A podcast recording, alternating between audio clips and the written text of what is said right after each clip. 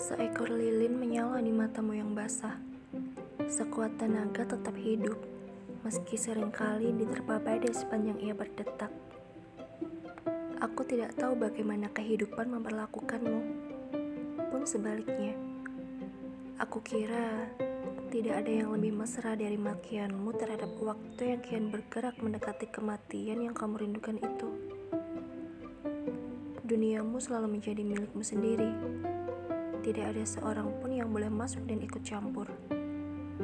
Padahal, aku sudah terlanjur menyerahkan hatiku untuk kamu.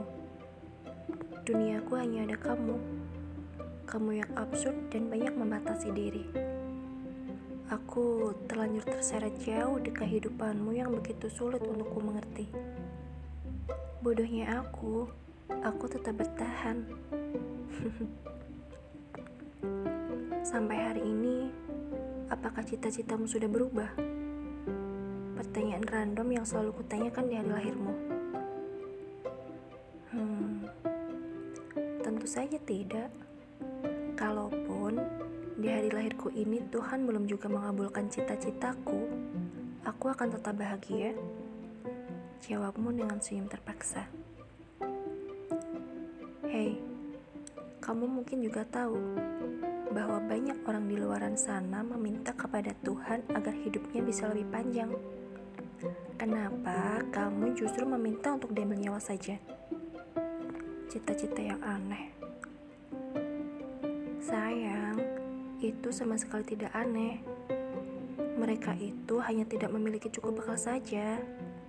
Beda denganku yang sudah siap mati. Aku sudah memiliki bekal lebih dari cukup.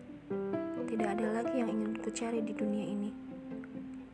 Omong kosong dan kesengsaraan sudah sangat mengenyangkan untuk kunikmati. Dan juga rasanya aku sudah terlalu banyak merepotkanmu. Aku tidak pernah tahu kenapa kamu begitu ingin mati di hari lahirmu. Yang aku tahu, kamu memiliki cita-cita dan tidak pernah menjadikannya sebagai doa. Bagaimana Tuhan mau mengabulkan? Kamu saja tidak sungguh-sungguh? Aku sedikit ragu dengan pertanyaanku sendiri. Memang bisa tawar-menawar kematian? Kemudian, kamu memintaku untuk mengambil jarak.